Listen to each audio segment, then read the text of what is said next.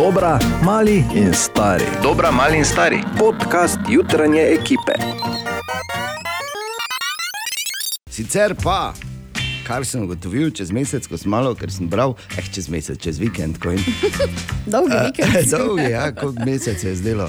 Uh, kar sem ugotovil, je, da so strokovnjaki, tudi veš, ko penzlajo okoli, pa iščejo stare stvari.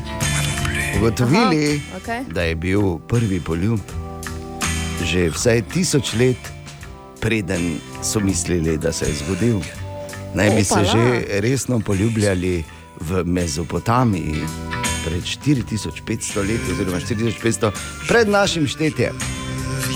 Seveda, Zanimivo. ja, odnegdaj ste bile take. Ne vem, če bi to rada videla, kako je to takrat izgledalo. Ja, glej, vse nismo bili tako dosti drugačni. Ali misliš, da smo takrat bili kot opice? Ali ne vem, kuščari, ali kaj oni mislijo, da smo nekoč bili. Ne vem. smo se sabljali z repi. Uh, ja, v Mezopotamiji, stari že, edino vprašanje, ki ostaja, če je bil prvi poljub uh, že takrat, kam? Pa daj, dejan. Danes je ponedeljek in to seveda pomeni, da eh, stopa na sceno Madame Tima. Dobro jutro. Madame Tima. Dobro jutro. Torej, kaj piše v zvezdah za, za ta nov teden? Ja, celo nedeljo sem polagala karte. okay. Dobro, boljše, boljše karte kot keramiko, ne? ker vprašanje je, kako si pri slednjem, pri kartah pa ti kar gre. Ja. Torej, No, vidiš. Oven, samskim avnom ustreza prehod Marsa v znamenje leva. To znamenje je vaše področje zabave, počitnice, ljubezni. V službi imate dovolj energije in volje in znate se osredotočiti, organizirati in narediti prave poteze ob pravem času. Bik. Bolj boste aktivni in se uh, boste gibali, uh, in tako se boste tudi bolje počutili. V tem tednu boste največ energije vložili v družino in dom. No, spremembe, ki, bodo, uh, oziroma, ki so bile nakazane v preteklem obdobju, pa zdaj začenjajo oživljati in se aktivirati. Dvojčka. Sonce v vašem znamenju prinaša nov dotok energije in celo možnost, da spremenite svoje življenjske navade. Aktivni, zanimivi, energični in strastni boste, z osvajanjem ne boste imeli težav in pred vami je izjemno spodbudno obdobje. Rak. Ste v obdobju, ko lahko marsikaj zaključite in začnete nekaj novega, kljub temu nadaljujte premišljeno. Verjetno bo ta teden spodbudno dogajanje s partnerjem, a tudi povečana živčnost. Prosti raki, čas je za vašo pobudo do nasprotnega spola. Lev. Občutek navezanosti, bližine, pripadnosti, skupne preteklosti in tudi skupnih ciljev bo močnejši od morebitnih težav, dvomov in napetosti. Če vam nekdo dolguje denar, pa je zdaj čas, da dolžnike spomnite na se. Kar zadeva delo, so okoliščine ta teden na vaši strani. Devica. Ta teden se boste počutili dobro, imeli boste boljš, boljšo energijo, več boste v gibanju, nekatere device boste morda začele z močnejšo telesno aktivnostjo, a, imele boste tudi veliko energije, ambicij in moči ter malo volje za popuščanje, prilagajanje in doseganje ravnovesja. Tehnica. Glej, kako se je. ja, no, prosim, ušeska. tako.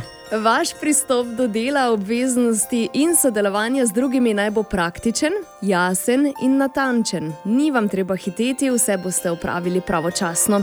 Aktivno vzdušje v odnosu s partnerjem pa bo nekaj, s čimer, eh, oziroma v čemer boste neizmerno uživali. No, vidiš. Lepo, ne? Super, kako so mi lepo napisali. Kako misliš, so? Pardon, karte so mi napisale? Aha, ti, okej. ti si samo medij, madam Tima. Nadaljuj, prosim. Škorpion. Oba s partnerjem sta zelo napeta, izražena pa sta tudi medsebojni pritisk in oboje stranska trma. V poslovnem okolju ste, eh, ste se povečali, sta se povečali živčnost in razdražljivost, marsikaj pa je pod površjem in ko da čaka nas prožilec neprijetnih situacij, impulzivnih odločitev, morda tudi pogovorov s sodelavci. Strelec. Za nekatere od vas se lahko odpre priložnost za ugodno poslovno spremembo, morda celo za kakšno napredovanje. Uspeli se boste organizirati in osredotočiti na tisto, kar vam je pomembno. Ambicije so zdaj močne in težko vas bo kaj ustavilo. Kozorog, pred vami je bolj ugoden teden, nekatere situacije iz preteklega obdobja se zdaj lahko začnejo reševati ali premagovati, predvsem z odkritim, iskrenim, realnim pogovorom, v katerem čustev ne boste brzdali in potiskali v zadje. Nekdo vas lahko s svojo prisotnostjo precej razveseli in tudi gane. Vodnar, tako partner kot vi, vi ste v neki obliki stagnacije, počasnosti, morda prevelike osredotočenosti na vse, kar prinaša življenje in obveznosti, eh, tako da čustva ostajajo v drugem planu.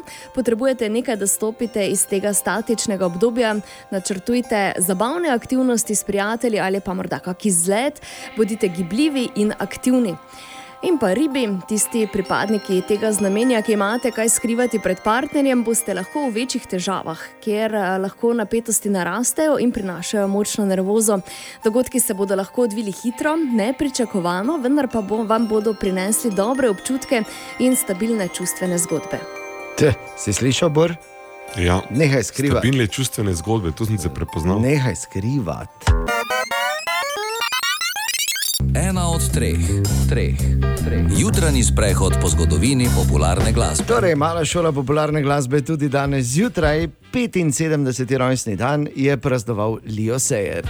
Leo Sayer, uh, ki je imel svoje največje uspešnice ravno v 70-ih. Sicer pa se zdi, da je bolj kot uh, to, da je, da je bil glasbenik, je bil človek z izjemnim družbenim občutkom za srečevanje zvezdnikov. Ker, ko pogledaš malo slike, on je bil z vsemi se poznal, no. približno tako je kot Bor. Ja, jo, ja. Vsemi se je poznal, imel sicer nekaj hitov, ampak eh, o muziki ja. se na dosti njegovi menimo. Ne? Ne, ma- Ima pa isto kot rastalase, ne mislim iz. Ja, res, totalno. Uh, je pa njegova najbolj znana zgodba zagotovo povezana s kraljem rock'n'rolla, z Elvisom Preslijem. Zgodila se je leta 1977 in sicer takrat je bil na turneji po Združenih državah Amerike in je na enem od nastopov padel dol iz odra Ja. in uh, si poškodoval gležnje in obe, oba gležnja in obe nogi, in pa je še dan danes trpi zaradi posledic te poškodbe. No, skratka, njegova zgodba pravi, da mu je takrat pomagal en fizioterapeut, ki pa je delal za Elvisa, tudi čisto slučajno, in da mu je rekel, da ga je Elvis pač želi spoznati. In je rekel, jo, ja, seveda, ne, verjetno zato, ker je bil znan po tem, da, da pozna vse znane, bolj kot uh, po svoji muziki. In njegova zgodba, zgodba pravi, da ga je enkrat Elvis poklical in uh, mu rekel: Pozdravljen, to je Elvis Aaron Presley in uh, točno to je rekel. You make me feel like dancing, mu je rekel. In ga povabil, če bi prišel k njemu na Grace, oziroma v Graceland naslednji dan, da bi malo skupaj kaj zašpilala. In je Leo rekel: Ja, seveda, pol pa je naslednje jutro ob desetih zjutraj slišal, da je Elvis umrl. In tako je najbolj znana zgodba Lija Serija ta, da je verjetno še zadnji, ki se je pogovarjal s kraljem rock'n'rolla. Smo odprta usta. Ampak vmes je naredil tudi, ne, da ne bomo, ne, kaki hit, kot je bil ta You Make Me Feel Like Dancing ali pa I Can't Stop Loving You.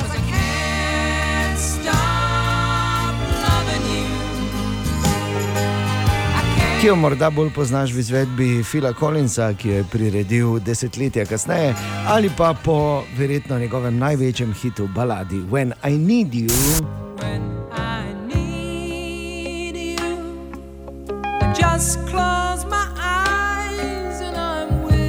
In preden kdo kinkne nazaj na 75. rojstni dan človeka, ki naj bi bil zadnji, ki se je pogovarjal z Elvisom, še ena od njegovih večjih uspešnic iz 70-ih, More Than I Can Say, Leo Sayer. Dobro jutro. Dobro jutro. Dobro, Ja, viš, to je še ena zanimiva stvar, ki jo v Španiji nameravajo narediti. In sicer, dali bojo ven, ali so že dali no, brezplačno aplikacijo, ki bo beležila, kdo naredi več hišnih opravil.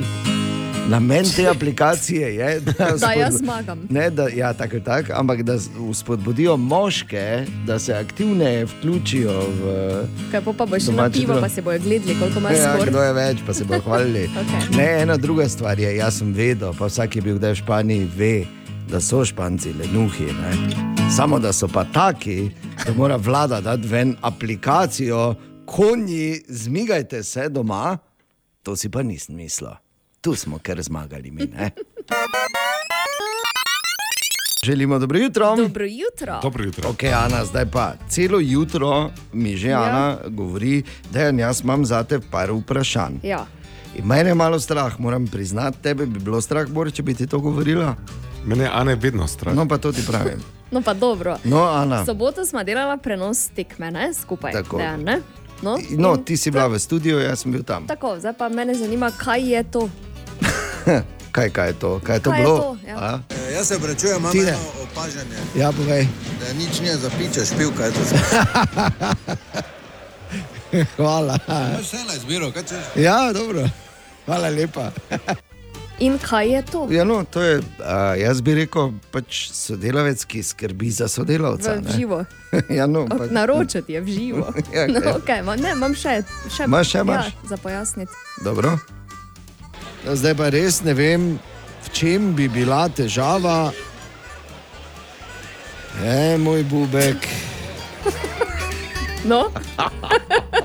e, moj bubek. Ja, pač No, ne, sodnik, greva, je, ja. sodnik je imel zelo posrečen primek, Primek, bom rekel, ne, ali pa ponesrečen. No, No, gremo dalje. Kaj je to? Ne, Bubek je pri miru, torej kot kaže. Gol bo obveljal, uh, krasna akcija. Veš, ko enkrat uh, en taki pri, primek, ja, pol pač eh, hočeš, nočeš, ne, ga uporabljaš, kot je Bubek, je pri miru, ali pa Bubek samo stoji. Ne, Ja. Mislim, Še Bub- imam vprašanje. A. Še imaš? Ja, kaj je to? V meni je Tine, Tine, zdravo. E, Zdravo. Torej, ti ne jasno opazil eno stvar, ko te poslušam, ko nismo v vetru, sem ugotovil, da imaš izjemno oko za detajle danes. Ne? Ja, danes sem se odločil, da malo podrobno bolj spremljam. In eh, recimo zdaj, malo prej eh, pri poškodbi eh, Nemanja Jakšiča je bila prekinitev. Vsi so stekli pač k svoji klopi vodo pit, edino Watson je šel na Bravotovo klop pit. Ne samo, da je pil, začel se je umivati z vodo tam po vratu, najprej pol po rokah. Hvala Bogu, da je sodnik pokazal naprej, ker se je tu že za vrvico, za agate vleko, veš, da, mislim, da ne bi zdaj se riti umival tam. No. Viš, to ima človek oko za detajle, nimaš kaj. Ne? zdaj pa eno, zdaj pa zadnje in najbolj resno vprašanje. Kaj pa te to je bilo? Okay. Štor je padel. Ču... Tukaj je tribunal uh, ob meni. V postavi uh, Tine, Bojči in Đuli, ki so kot trije posebneži, ki so terjali faul nad štorom, ki je sicer eh, obležal. Glej, to, to pa je vprašanje za Tineta. In čez približno pol ure pride Tine mimo, kot vsako jutro predlagam, da njemu postaviš to vprašanje. Bojč in Julie. tudi Ja, kdo so Tine, Bojči, ne Bojči, Đuli ne prideta. Ampak naj, naj Tine to razloži. Ker, Okay, eh, dobro, bom eh, počakala. Tako. 12 minut čez Hvala. sedmo, hvala, Ana, Ja, niso bila hvala tako neprijetna vprašanja, ne pa Bubek te pozdravlja. Želimo dobro jutro. Dobro jutro. Dobro jutro. Ja, ponedeljek 22. maj je in tako kot je naredil Twitter, ko je zbrisal neaktivne račune, bo zdaj tudi Google. Če, se, če imaš kakšen mail račun, ki, v katerega se nisi prijavil ali prijavil dve leti, cak. Smo kaj zaskrbljeni, bor, slučajno ne. Ne, ne, ne. mi smo aktivni. Tako. Ampak ko sem to prebral, sem si mislil, da jaz dnevno uporabljam ta uh, e-mail račun in take maile, ko včasih dobivam, bi bil vesel, če bi mi kuj tak zbrisali. Zdaj pa je uh, potrjeno, poletje je praktično tu, Tina je prišel prvič v novi sezoni v kratkih hlačah v službo. O, Tine! Dobro jutro. Dobro jutro, res jutro. da zgledam smešno, ker imam noge več kot bele. Ne? Samo kaj da ne, Samo ti Mogoče, če bi se- poletje nimaš bolj rjavih, tako da Imam, ni imam. tako. Mogoče ne bi črnih kratkih hlač, bil manjši kontrast. kaj pa naj imam kožne. Ne? Ko, kožnate, kožnate, ti ne kožnate. Tudi ne vem, kje bi se posončil, ne glede na to, da smo imeli en dan pa pol sonca. Zdaj, ne. Se bo, Ja, se bo. Se Ja, bo. no, vse se bom tudi posončil. No, pravilno. Se, v bistvu ti doben nič ni rekel, ampak si sam krenil v to zgodbo. Ja. Jaz sem samo nog. rekel, da sem malo beli. Vi bi lahko rekla, da ja, ni tako hudo, ni gremo tako dalje. Ne. Ana, ti imaš eno vprašanje Ja. ja. za Tineta. Imam, Poslušam. vprašam, kaj je to? to je iz Oziroma- Oziroma, sobotnega prenosa. Ja. Ja. Štor je padel. Ču... Tukaj je tribunal uh, ob meni. V postavi uh, Tine, Bojči in Đuli, sliši se kot trije posebneži, ki so terjali faul nad štorom, ki je sicer eh, obležal. Ja. Tine, Bojč in Đuli. Ja, to, to, uh, to smo trije pravičneži, Aha, ki nas pač, uh, ki nas Krivica pač boli, krivica zelo boli, ne? na momente preveč boli. Ne? okay. Uh, mislim, pač zvesti navijači, ampak tudi uh, Standardna ekipa. uh, ja, kar. Zvesti kritiki, predvsem sodniš, sodniške eh, organizacije. Ja, jaz ne bi bil bubek v soboto, kaj Ja. so govorili. Tine, kaj si nam pripravil danes? Torej, eh, če lahko samo slišimo nekaj, verjetno se boste spomnili, kaj to je. Windows, ne? Da še enkrat poslušaj. Ni? Kaj? To pa ni Windows. To pa ni A vidno. ne, Netflix je to. Netflix je to. Bimbo. Ja, valjda. No, da ne te misliš, zato ker tako eno leto so delali to zvok. Eno Eno leto, leto. da so naredili, da so To je dva naredili tona, Ptum. pa eho. Oziroma, eno leto, pa verjetno je stalo tudi 700 tisoč dolarjev. Ja, seveda. E, glej, morajo. Na koncu pa ga niti prepoznaš. Ti. Ja, pusti me v ponedeljek zjutraj. No. Aha, aha, aha, aha, aha, efekt. Embor odgovarja na vprašanje poslušalca Tineta, ki ga zanima, ali imajo nekateri ljudje šesti čut, ki uh, jim pove, da se nekaj pomembnega približuje kot neko supermoč. Torej, Bor. Mi pogosto rečemo šesti čut, ampak znanost se ni opredelila do tega izraza, da bi ga podprla. Pogosto rečemo pač eh, nekemu občutku ali pa intuiciji, ki jo doživljamo, ko se nekaj pomembnega ali pa nenavadnega pripravlja. Zdaj, okoli, ta, okoli tega fenomena obstajajo različne uh, teorije. Nekateri verjamejo, da lahko to izhaja iz podzavesti, ki zaznava subtilne, take nežne vzorce, signale, ki jih zavest ne zazna. Zdaj, drugi pravijo, da se to lahko razloži z intuicijo, ki se pa počasi razvija skozi življenje na podlagi izkušenj, znanja, opazovanja okolja. V vsakem primeru to ni neka supermoč ali nadnaravna sposobnost, bolj ali pa najbolj verjetno samo rezultat kompleksnih procesov zaznavanja in obdelave informacij v našem možganskem sistemu. In uh, gre za individualno izkušnjo, težko rečemo, da je, je zdaj vse splošna, ampak tisti, ki mm, imajo močno intuicijo ali pa močan šesti čut, ki jih pogosto ne prevara, so, lahko temu rečemo, kar uh, obdarjeni. Ne. Obdarjenci lahko na več načinov, Ja. ko govorimo ja. o šestem čutu. Ali širše. Izbira med 3 cm zraven ali pa 6 čutom. Bi za rekel, bi rekel samo tako, da možna pa je tudi ta razlaga, da si pač bolj v kontaktu z uh, sabo v paralelnih vesoljih in resničnostih, ne? ker mogoče da si kje drugje, kak dan naprej. Bomo najprej dokazali paralelna vesolja, pa potem šli naprej. Ne? Evo, čuj, br. Ali tudi vi pogosto totavate v temi? Aha, efekt, da boste vedeli več. Torej, nismo še ravno pri tem, da bi nam nanobote ubrizgali v krvni sistem, ampak kakšni čipi pod kožo pa se že dogajajo. In tu uh, izvajajo oziroma ukvarjajo res zanimive meritve in se s tem ukvarjajo na fakulteti za elektrotehniko, računalništvo in informatiko Univerze v Mariboru. Uh, več nam o tem zna najbolje povedati profesor Aleš Holobar. Torej, kaj se dogaja na tem področju, kaj delate? Ukvarjamo se pa raz, z izdelavo vmesnikov človek stroja, ki merijo določene aktivnosti človeka, za katere morda niti ne vemo, se jih ne zavedamo, da jih se da meriti. Recimo, vmesniki možgani stroj lahko merijo intenzivnost razmišljanja, lahko zmerimo, ali ste vi odreagirali na nek vidni dražljaj.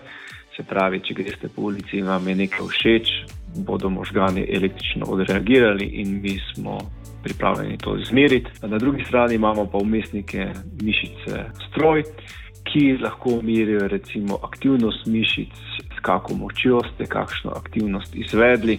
Predvsej se pa zadnje čase ukvarjamo z določanjem hitrosti staranja skeletnih mišic na podlagi električne aktivnosti. Verjetno vsi vemo, da so starejše mišice malce počasnejše, malce bolj modre, nas pa zanima, kako hitro pridobivajo to modrost ali počasnost, kako na staranje skeletnega in motoričnega sistema vpliva recimo življenjski slog, prehranjevalne navade, okolje, v katerem bivamo. Kaj si ti nor? Veš, da lahko merijo intenzivnost razmišljanja. Prosim, ne hodite to sem k nam zjutraj meriti. Brez veze, da non-stop nulo. kaže. Vrednosti bodo relativno nizke, ne bor? Jaz sem vrata malo zaprta. ja, pa ne boš se javil. Ne? Ja. A, torej, a, profesor eh, Holobardi, zdaj, ker vemo, da obstajajo različni vmesniki. Neinvazivni, tisti so ti, ki si jih damo na kožo, ne? ali pa takšni, ki se vstavijo pod kožo. Nas recimo zdaj zanimajo ti eh, in pri teh je verjetno tudi največ odprtih vprašanj. Na kak način in kakšne so lahko recimo nevarnosti? Pri vstajanju pod kožo pa pridobimo nekako odpornost na a, vremenske razmere, malce izboljšano nosljivost, se pravi, da jih lahko nosimo tudi med plavanjem v morju, a, naprimer, ali pa v kakšni drugi situaciji. Hkrati pa to odpira številne nove izzive. Karkoli vstavimo pod kožo, bo preučevano se strani človeškega imunskega sistema in potem bo človeški eh, imunski sistem na vsadke tudi odreagiral. Tu pa je zopet treba ločiti med dvema kategorijama. Na sisteme, ki vzpostavljajo aktivno komunikacijo z človeškim telesom, recimo ki aktivno merijo delovanje človeškega telesa, to so ena kategorija, druga kategorija pa so sistemi, ki v bistvu komunicirajo z zunanjim svetom. V bistvu pri tej drugi kategoriji samo vstavimo čip pod kožo, na to pa vzpostavljamo komunikacijo z zunanjim svetom. Identifikacijske številke ali pa kriptovalute ali pa denarnice lahko hranite na neki personaliziranem čipu, ki ga imate vgrajenega v telo. Ampak to je komunikacija z zunanjim svetom, to je komunikacija umetnega sistema z umetnimi sistemi. Aha. Okay, tako da veš, da imaš kar čip tu neki v roki, pa samo tako plačaš v trgovini. In glede na to, da kot je rekel profesor Holbar, da uh, imunski sistem na to odreagira, glede na to, kakšne so cene v trgovinah, imam jaz uh, me strah, da bi se mi tako zagnojilo, da bi. Da bi ti ven padlo. ja, najmanj. Kaj še fretajo na naši Mariborski fakulteti za elektrotehniko, računalništvo in informatiko, Univerzo v Mariboru, takoj potem. Profesorjem Alešom Holobarjem iz Mariborske fakultete za elektrotehniko, računalništvo in informatiko debatiramo na, na temo uh, čipov v telesu, na telesu. Predvsem uh, se ukvarjamo, oziroma nas zanima ti, ki se vstavijo pod kožo. Tu je veliko vprašanj, profesor, uh, na katera morda nimamo čisto natančnih odgovorov. Ne? Tu bi jaz zelo streno rekel, da se je treba bati svoje nevednosti. Smo v digitalnem svetu, mi imamo, vsak izmed nas že ima svojega di- digitalnega dvojčka, svojo virtualno podobo na spletu, pa morda se malce premalo zavedamo te podobe, ki jo dajemo, ki jo puščamo, te sledi, digitalne sledi, ki jo puščamo na spletu. Tako da definitivno je na mestu ozaveščanje o digitalni podobi, ki jo že sedaj puščamo kot uporabniki družabnih omrežij, kot uporabniki spleta, kot uporabniki praktično vseh storitev. Od tega, katere kanale gledamo na televiziji, do tega, katere spletne strani obiskujemo. Nek zelo namernež ali pa še zopet dobro namernež bi lahko te informacije s pridom izkoristil za to, da nas profilira. In multinacionalke seveda kolikor jim zakonska podlaga dopušča, profilirajo uporabnike. In uporabniki se moramo zavedati, da smo profilirani in da puščamo to digitalno sled. Tako da najbolj se jaz bojim ignorance do te digitalne sledi, ki jo puščamo za sabo. Imamo slovenci lep pregovor, da če žabo kuhaš v mlačni vodi, da jo lahko skuhaš do konca. In tega se jaz najbolj bojim. Ja, hvala lepa, profesor Holobar, dobra. Dobra prispodoba? Vsi smo mi žabe v mlačni vodi, tako zgleda, pa še sami smo not skočili, noben nas ni not tišal. Je bil torej profesor Ališ Holobar iz eh, Fakultete za elektrotehniko, računalništvo in informatiko Univerze v Mariboru. Hvala lepa za zanimiv pogovor, zanimive informacije. To je naš priljubljen jutranji segment iz Borove Špajze. In želimo vam dobro jutro iz Borove Špajze. Čuješ to v zadju? Aha. Nisem ziger, da na mene iščejo. Leti. Ja. leti. Adijo. Hvala lepa. Okay, uh, Oh! juj. Bor, so te trufli. Očitno je. Rešita se vidva! Ja, Kaj To to je je? avtentičen posnetek sobotnega javljanja z vojašnice, ki je šlo na robe. Zato, ker eh, nepričakovano so tam na vaji uporabljali, pač, eh, mi smo temu rekli topovski udar, ne samo, Aha. ker so se časi spremenili, temu pač rečejo zdaj. Um, ne vem, kaj rečejo v bistvu. je ampak to polski je tak- udar, verjetno. Ne? Topovski Ne udar. vem, ampak počlo je tako, da sem se res vrgel v bližnji Jarek. Um, zanimiva je bila predstavitev na dnevu odprtih vrat vojašnice. Je pa ena misel, ki bi rad delil z vami ob tem, ta, da uh, še enkrat več sem pomislil, vse kaj na svetu obstaja, ima razlog, da je tukaj drugače bilo ne bi. Ker okoli vojske smo si zadnjih 15 let mislili, da vse tega ne rabimo, kaj bomo z njimi, je brez veze. Pa so se pa časi in pa varnostna politika tudi v Evropi tako spremenili, da sem rekel, grem pogledat v mojo vojašnico, ker vseeno sem tu služil vojaški rok, če kaj znajo. Bilo je lušno in zanimivo, predvsem pa me je presvetilo, kako je bilo polno ljudi, e, torej zanimanje za oborožitev in pa e, oklepna vozila in pripravljanje slovenske vojske je lušna.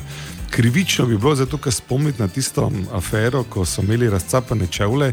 Ana dobro ve, o čem govorim, verjetno, ker je, ima, bom rekel, je inside. Doma vojaka, se pa lahko reče. Mene ena druga stvar bolj zanima, bom te na koncu vprašala, ti samo. Okay. Ampak hočem reči, da kako krivično bi bilo, da se o vojski pogovarjamo samo skozi tisto afero, raztrgani čevlji ali pa pošeljna čelada. Zdi se, da je slovenska vojska v dobri pripravljenosti. Še bolj zanimivo pa mi je to, da se po vseh teh letih končno nekako zares prav uh, odpirajo. Ni več nerodno razmišljati, da pa vojašnica v Mariboru vseeno del mesta.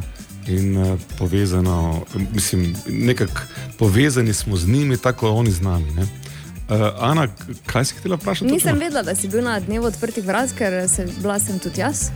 Aha. Pa me zanima no. samo, če si tam, ko so pestovci prikazovali napad, če si ti bil oni, ko so ga rolali po tleh. Gledal sem to, nisem bil oni, ampak tako čisto odkrito, kako se je tebi zdel dan odprti vrat V vašega. bistvu izjemen. Ja, Zelo tudi, ja. zanimivo. Za cel dan. Glede, glede na vse skupaj, res in kar zdaj razlagate, in koliko ne na zadnje, moj sin je tudi bil tam. Uh, in je uh, bil pol, imel polno usta hvale, ko je prišel domov. Bom rekel samo tako, glede na vse te okoliščine, bo zgleda šel Marjan Šarec v zgodovino kot tisti obrambni minister, ki je za vojsko največ naredil v zadnjih 25 letih. Čeprav, Hote čeprav niti ni hotel. Ja. Situacija zunaj, seveda želimo dobro jutro najprej. jutro. Torej, jasno jutro ali pa vsaj pretežno jasno je, Maribor, Murska sobota, Velenje 12 stopinj, celju 10, na Ptuju 11, 16 stopinj trenutno v Jeruzalemu, tam je ta trenutek najvišja temperatura, danes bo čez dan uh, pretežno jasno in do 28 stopinj, tako da vročo bo.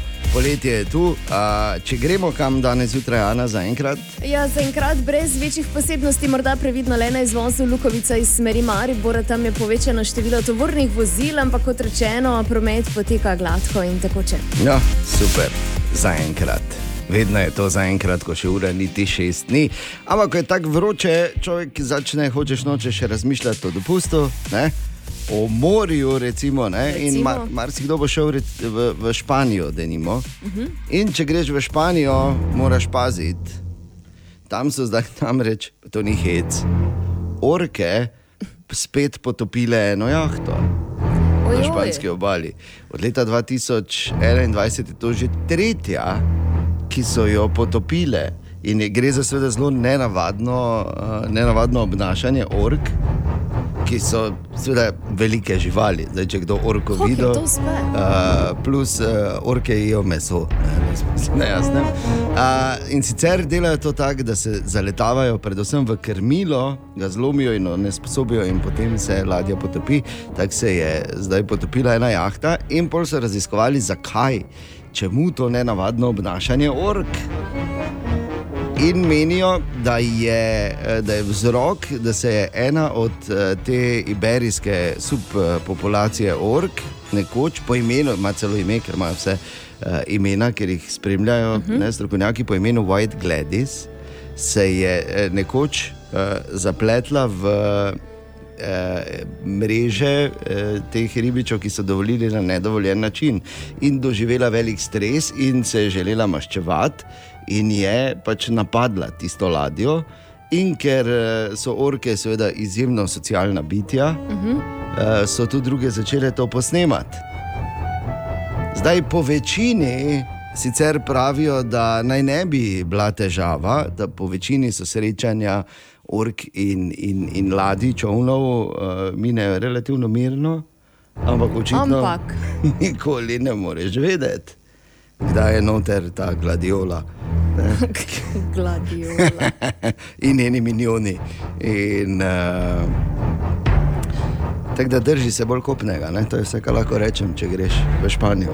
Nočem strašiti. Pač. Ne, pač.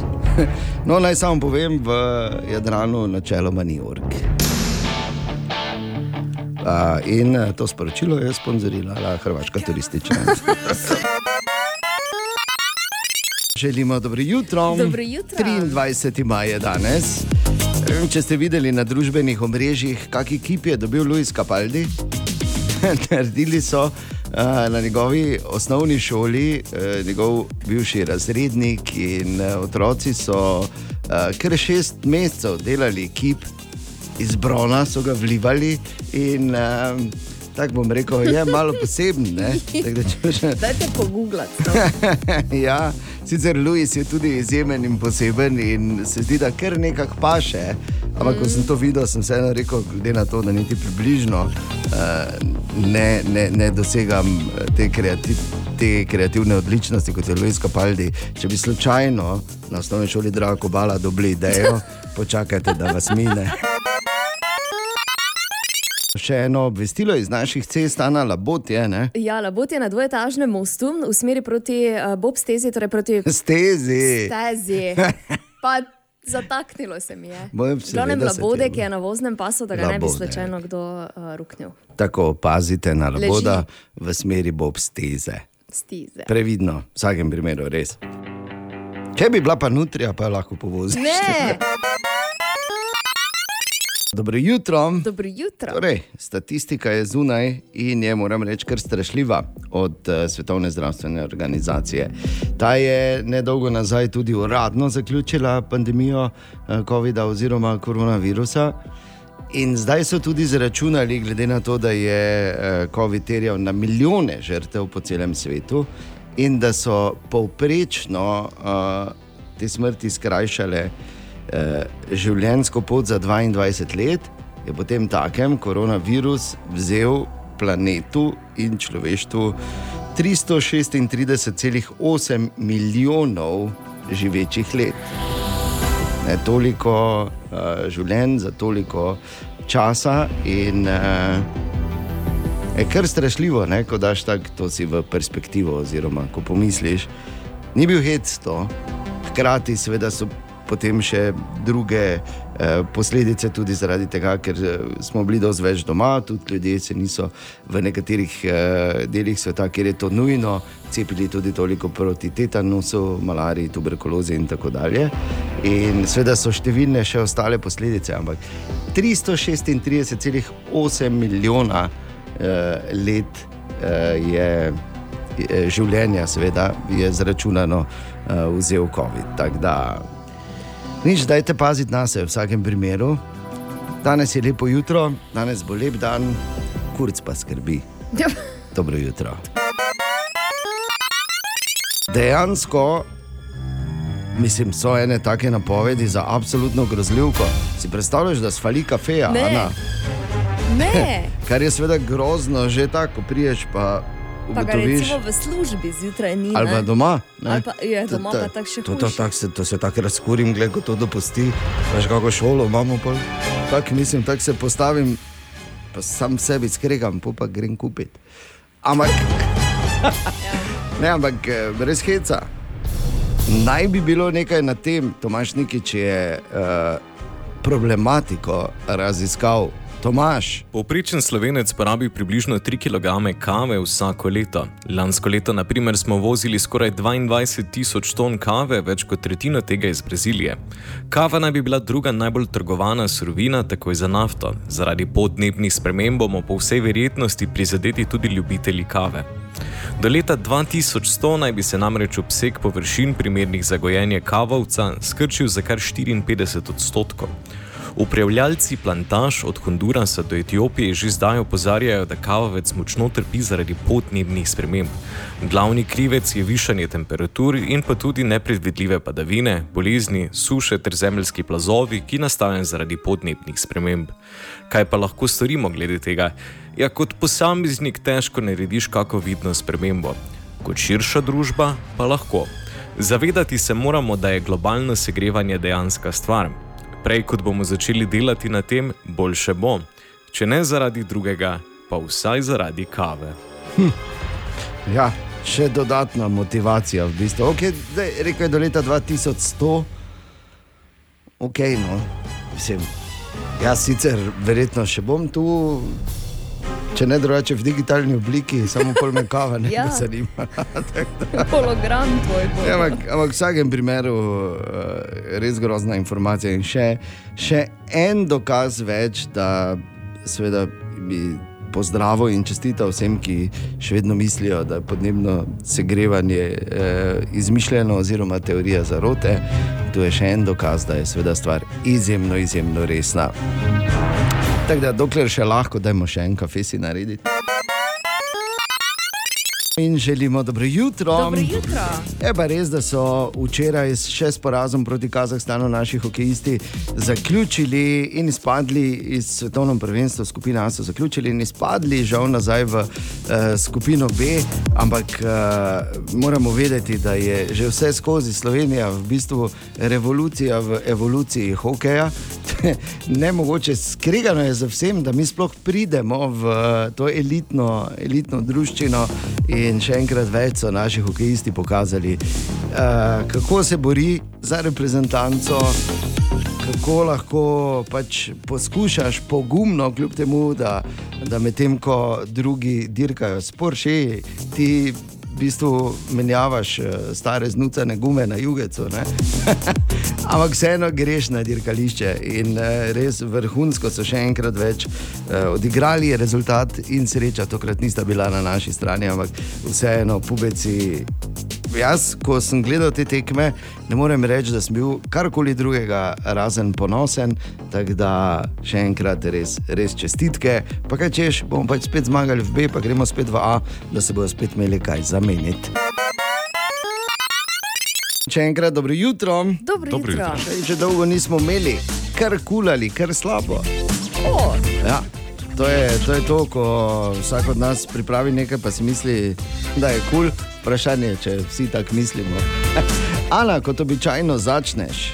lahko. Včeraj sem šla avto kerhat in med kerhanjem. Er, Ja, a, sploh ni, ne? Pač, to veš, da si nekaj naredil, če je tvoj, Ja, kerhaš, proizvod, ne. če je tvoj proizvod v bistvu postane glagol. Ne?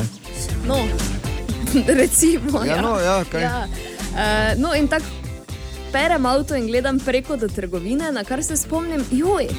Kaj če bi jaz zdaj mogoče šla po kako pivo, mojemu Andreju, ki pa je kosil travo v tem času. Tu mi daš prvi aplaus. Ja, absolutno. ta misel in ta odprtost vrhunsko. Ne? In pazi, zdaj to pridem na blagajno in me prodajalec vprašal, če imam osebno. Povej, da je kar kul, priznaj, da je Ja. kar kul. Kaj vi ste že polnoletni?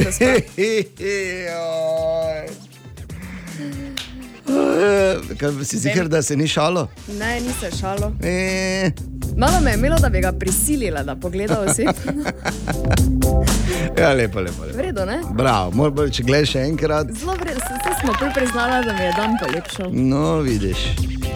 To je sicer eno, eden od najstarejših trikov, ne, v rokavu Borja. E, tak. Pa daj, daj, no. To je, Normalno, to je v- seveda. Ampak V gledaj, železnem arsenalu je to poskus številka dva, kaj Ja, greš. tako da, tak da, ampak glede na to, da se danes zjutraj o tem pogovarjamo, je bilo kar uspešno. Tak, Ja. Super. Ja, bravo. Ker Tak naslednji je. samo, kaj je to tvoja sestra ali mama. Ne? Či, ja, ja, Ja, to, ko, ko upaš na double play. ne. torej, Uh, jaz sem kot delavec na odru ožgan, tak. A te zgrabilo? Na rokave? Rokave narisane gor na ramenih. Prvič, jaz sem Rameni? dovolj pigmenta, da se ne spomnim, kdaj bi me sonce ožgalo. Drugič, prvič je sijalo letos včeraj.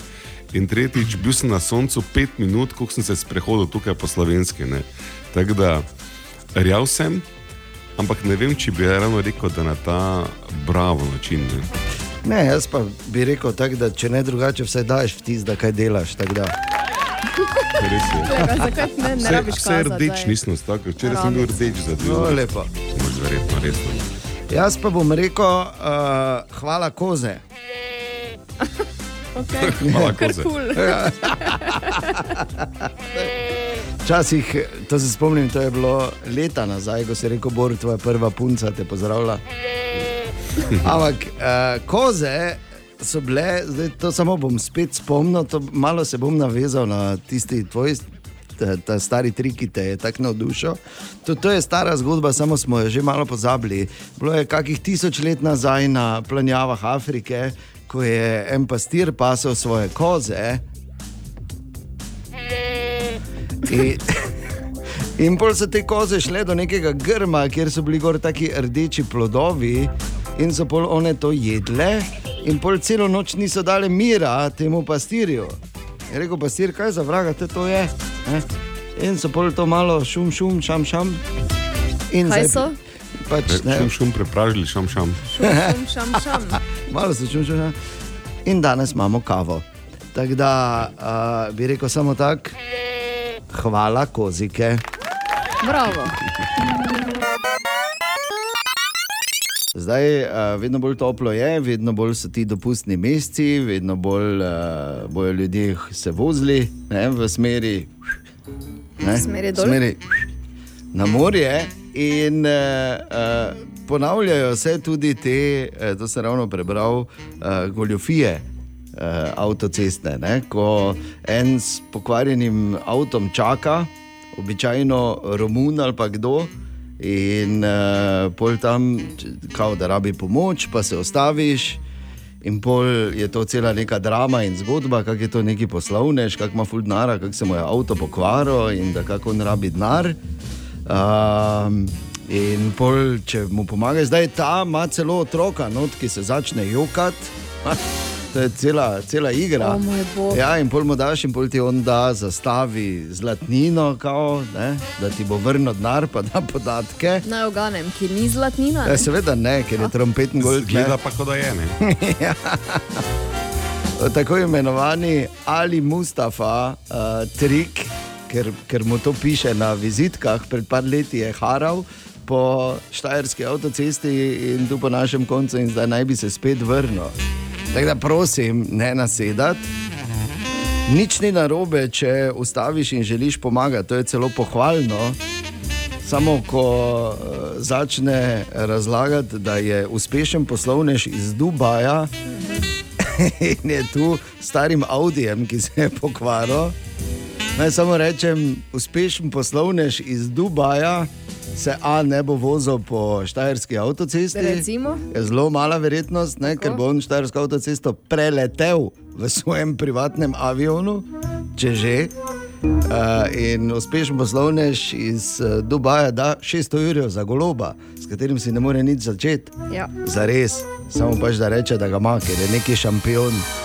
Tako da, uh, prosim, res ne nasedati na te finte. Jaz sem enkrat padel na forum, ne sicer na avtocesti, ampak ker so prefrigani. Ne? Bilo je na vetrinski, veš, ko so hodili z, z vrtnicami. In gremo z ženo, in sploh pridem, dvakrat sem se obrnil, je on bil spredaj, je že rožo potisnil v roko, pa tako stal, pa čakal, da mu dam denar. Zakaj ne rečem ženi, ko dobi rožo v roko? Si Daj nazaj. Ja, si predstavljaš, da jih vzameš rožo z roke, Dam pa daš njemu Ja, nazaj. marš. Jaz sem, jaz veš. sem glavno darilo, kakšne rože.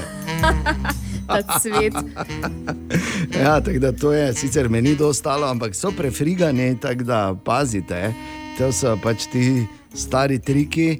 Jaz sem padel samo enkrat na to, ne? zdaj, ko se kdo pojavi s temi rožami, pa vidim, da je verjetno iz Romunije, pa zdaj, če delam s tem krivico, uh, ne vem, Herbertu, ki prodaja rože, se Herbert ti upravičujem. Ampak uh, mu samo že nadaleč pokažem. Da, da, da, da, da, da, da, da. Ob, ob, obvoz mimo mene. ne Pelji. vidi, ne. ja, tako da, no, uh, v vsakem primeru teh, uh, uh, teh uh, for je kar nekaj tam zunaj, tako da pazite in ne nasedajte, raje denar porabite za kaj bolj koristnega. O, Tine! Ja, Tine, dobro jutro. Ja, zdravo. Naj samo povem, dva para izjemno belih nog sta danes v studiu ena. ja. Jaz sem vrnil udarec. Mislim, mene si. pa mogoče že malo prijelo včeraj. Mene še ni, gled. Ja, moraš pa sončiti. Kažemo si nogice. Kažeta si nogice. Ja, no, hvala Bogu. Hvala Bogu. Po mojem da- bi se mogel dan ti obrit, bi te prej prijelo. Kaj si ga predstavljaš, do kolen samo. Nehaj si ti predstavljati. Nisi tu za predstavljati. Ja, okay, pardon, Ana. Lepo, da sem v tvojih mislih. Do kolen obrit. Tako, kaj boš še rekel, ti ne, za danes? Ja, kaj, eh, na Kaj imamo za eno? Ne, ne, za eno zanimivost. Spet se malo japonsko učimo. Oh. Ugotavljam, da so mi všeč Japonci, nekaj Mm. eno besedo, ki zajame kar Neke Širok vrste, spekter. zdaj Ne. tisti uh, diehard fani reporterja Milana se bodo mogoče spomnili, če reče malo sola, laoti. ne? ja. La, la, oti. Ja. La, la. La. Torej? torej, v japonščini beseda kenjatajmu nima veze z Nima. prvim delom No, besede. okej, ne. dobro. Kenjatajmu. Ker vseeno so Japonci pa tam. Dobro. ne. Kenjatajmu, ja. To je v bistvu gre za uh, tisti moment, ko moški doživi orgazem, pol ga mine do vsega in je lahko sam trezno razmišlja o stvarih. To je že zdaj pet minut potem, ko si tako. Ja. To je, mi poznamo tudi malo daljši izraz, je obleči se pa idi, prosim. Želimo dobro jutro. Dobro jutro. Dobro jutro. In Ečirjen je naslednji, s katerim se bomo prebujali. Ečirjen, ki je mimo grede še enkrat naredil takrat kraljevsko potezo, ne, ko je bil tožen zaradi plagiatorstva, pa je šel na sodišče, pa je vzel kitaro, pa je zapel, pa je zmagal. In Tako. ker se moraš iz vsega učiti, bi jaz to samo en svet povedal, Bor, če si boš ti kdaj našel v. Podo, znašel v podobni situaciji, prosim, ne rešuj se tako, da boš bral novice. Sicer pa, če bi vama, Ana in Bor, zdaj rekli, da je ta ven telefone, odprite galerijo in najdite štiri slike, uh, ki bi šle v, uh, not v projekt Maribor skozi tvoj selfie. Kako bi to izgledalo? Okay. Prvi je Bor Undertaker, ne, posneto z Mikropolo zadnji, ker sem z klobukom pa črnim plačem, res gledam kot pogrebnik. Druga je Stavo. Maribor, ne, ne ljudi, ne Ja. ljudje, ampak Maribor, mesto skozi selfie. Kaj imaš od mesta slikano, to ne ljudi. Pa samo sebe slikam, da ne ja, tebe ok, smisel se res slikati. jaz sprašujem. Res. res brez veze. Jaz sem tudi grozen, ker imam samo bolj kot ne v mestu. Nič nimam slikano. Jaz Se pravi, da sekiral maček, sem se. maček, maček. Ja, to maček, tudi ni. maček, To maček. ni mesto. Maček, maček. Ampak zato so se pa na študentski organizaciji Univerze v Mariboru odločili za en zanimiv projekt, ki se bodo tega malo lotili, malo bolj profesionalno kot mi, amateri. Nuša, si raziskala, povej. Jutri bodo študenti v Mariboru mesto raziskovali malo drugače. Dogodek Maribor skozi selfie bo jih namreč popeljal od točke do točke, kjer bodo morali pokazati svojo ustvarjalnost. Tekmovalo bo deset skupin, dogodek pa imajo možnost obiskati tudi tujci v želji, da spoznajo kotičke mesta, ki jih morda še niso videli. Tako o dogodku razlaga organizatorka Nika Rjavec. Skupine bodo šle od točke do točke, pripravljenih imamo 10 točk, 10 različnih lokacij. Dogajanje je nekako razdeljeno po Gosposvetski, pa potem vse tja do centra, pa tudi dol do Lenka. Na vsaki lokaciji pa bodo postavljeni pred izziv, ki jim bo potem prinesel namig za naslednjo lokacijo. V bistvu pa gre za to, da na vsaki točki, ki jo obiščejo, skupina posname selfie. Vsaka skupina bo prejela album z branimi selfiji, kljub temu, da časovne omejitve ne bo, pa se bodo tekmovalci borili za nagrado, ki si jo bo prislužila skupina z najboljšimi in najbolj odštekanimi selfiji. Nika je namen dogodka opisala tako. Da mladi, v bistvu študenti, spoznajo Maribor, ker veliko krat se nam zdi, da prihaja do tega, da si doma v študentskem domu in pol najbolj poznaš okolico študenta, ne pa tudi več delov Maribora. In je v bistvu namen, da jim približamo tudi dele Maribora, kamor morda ne zahajajo tako pogosto. Študentski lov na zaklad v novi preobrazbi tako študentom nudi atraktivno raziskovanje, nekomu bo prineslo zmago, ostalim pa zagotovo vsaj novo odkrite kotičke mesta in lepe spomine. To je best. Neke vrste escape room se grejo. Ki bi se ti slikal, da to- če bi se v Mariboru? Ha? Uh, dobro vprašanje. Pri Vinagu? Ne, pri ljudskem vrtu. Dobra. ja, to je pri vinagu. Ja, vprašaj. Pri vinagu. Ne, Bor bi se na ezleko, pa, pa bi razlagal, kaj je to, ker mladi več ne vejo. Žal, Žal res ne. ja, ali pa pri guzlu, ne, tam, kaj je bil včasih. Zdaj pa kaj je to? Okay, v vsakem primeru super projekt. In uh, seveda želimo, da vam uspe, pa še nam pošljite kakšen selfie. Dobro jutro, Dobro lepo jutro, zdrav, servus. Kaj je? Nadaljuješ. Ja?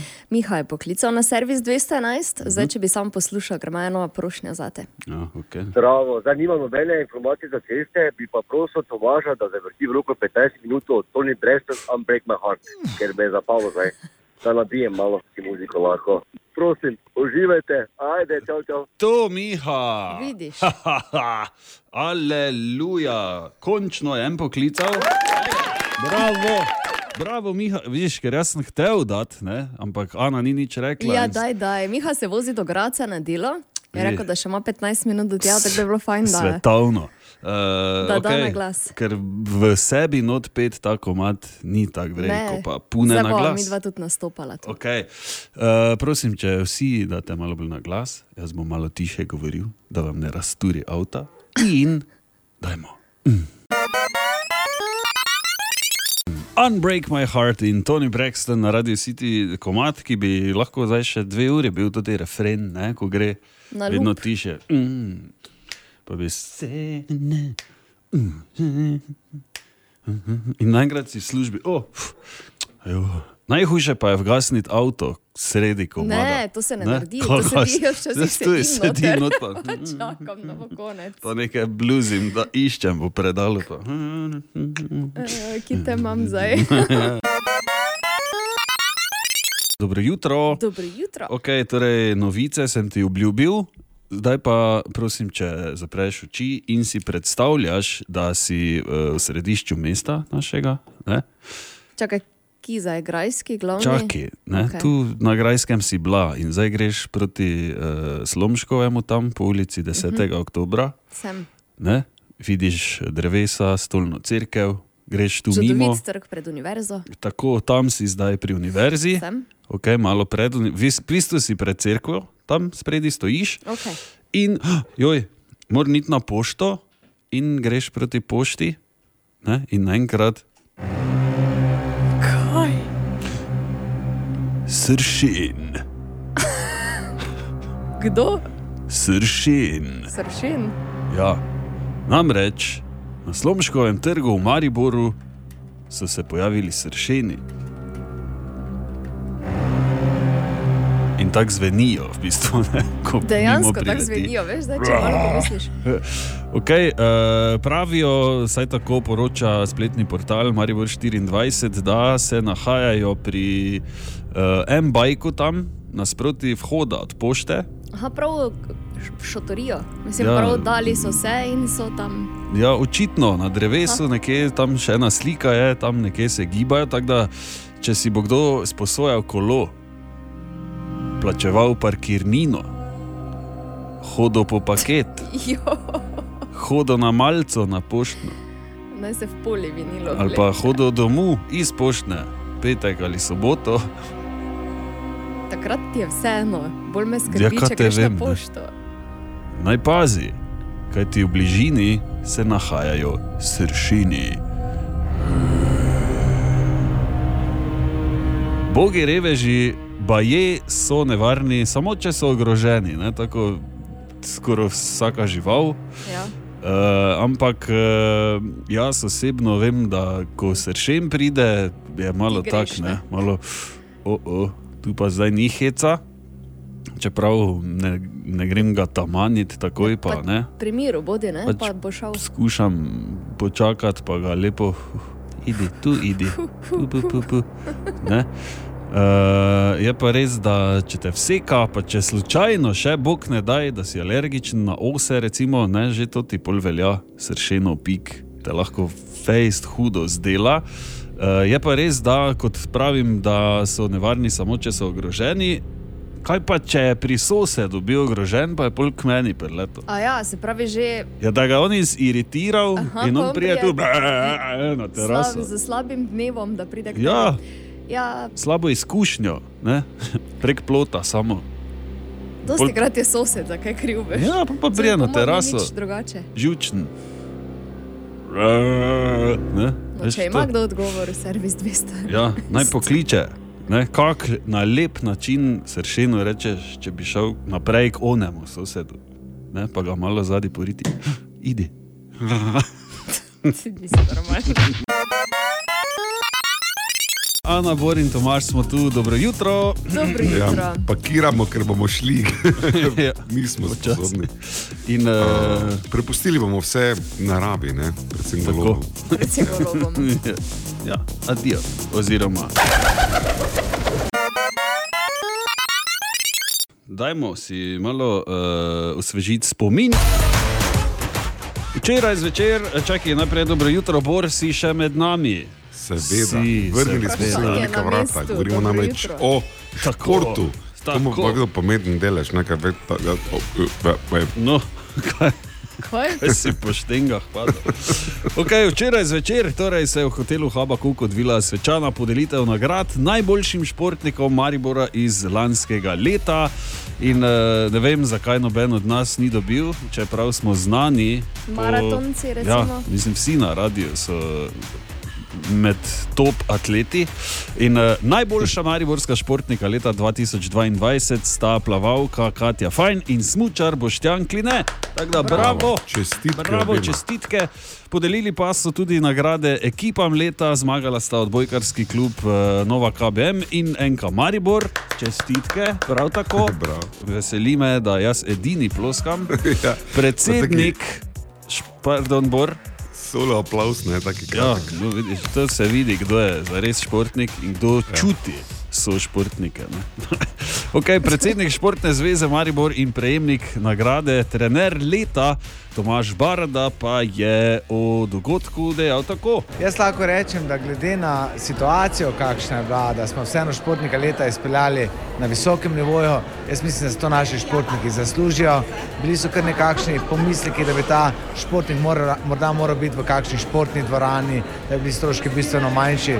Ampak prav je tako, da ti športniki pridejo v Habaku, v eno najlepših dvoran, ki jih v samem mestu imamo. Pridite je bila takšna, kot smo si želeli in športniki so dobili to, kar so zaslužili. Tako, evo, lepo povedano. Uh, podelili so tudi številne druge nagrade, invalidom prav tako, posebno nagrado recimo za izjemni doprinos športu, pa je ob stoječem ob aplauzu, pazi, stoječi aplauz, podobno kot eh, ga je prejel Andrej Šifrer na podelitvi Zlate piščali, je tukaj prejel kapetan, večni kapetan, če lahko tako rečemo, en kamaribor, Marko Tavares. Tako da, bravo, Tava. čestitke tudi vsem. Eh, V bistvu gre za Borovega sodelavca, so komedijanta. Da, prijatelja, v bistvu. Prijatelja, ne? tako Bor ga tudi uči mariborščine, kar je tudi pravilno. Ja. Uh, Zdaj, kad se je pri pes pesica zataknila, Tako. bo videl. Pes pesica. Ja. Ja. No, vse bo. Uh, čestitke torej še enkrat vsem športnikom, uh, mi pa pač drugo leto spet probamo. Ne? Mogoče bi mogli šport menjati, da bi nas opazili. Predvsem to, Tomaš. predvsem Tako to. da, hvala Mogoče lepa. bi prepustili profesionalcem, pa gremo dalje. Recimo, ne? Mislim, kaj pa smo mi dva zborom, druga. A smo. Res. Tako, eh, če ostanemo malo v prometu, dobro jutro, mimo grede. Dobro jutro. Dobro jutro. Vladno letalo Falcon se je spet pokvarilo. Na zadnje se je 5. maja, ko je Tako. predsednico peljal na kronanje v London, Ogled, danes je pa 24. danes je 24. kar kvari se ne. Kaj, dva tedna pa pol. Mislim, popravili so ga, menda pa je čez par dni spet nekaj bilo. Ja, Zelo gledam, vladno letalo se je vrnilo 17. maja z uporabila na servisu v Švici Tako. in je bilo v operativni uporabi vse do ponedeljka, potem pa zaradi opozorila delovanja motorja ni smelo leteti proti Bruslju. Svetovno, ne? da se ti v avionu vžge lučka za motor. ni vedno, ne? To ni ok. Ne, že v Klijotu je bilo to slabo, recimo, če se ti je zgodilo. Uh, ne vem, ne razumem in ne vem, zakaj ne dajo že enkrat na avtonet do tega aviona. Vsega losajo. kaj to. Pod podarim, ne? Ja, ne vem. Mislim, s kakim strahom, mislim, jaz osebno, no, mene že tako strah, malo mi je mutno vse, ker gre to v luft.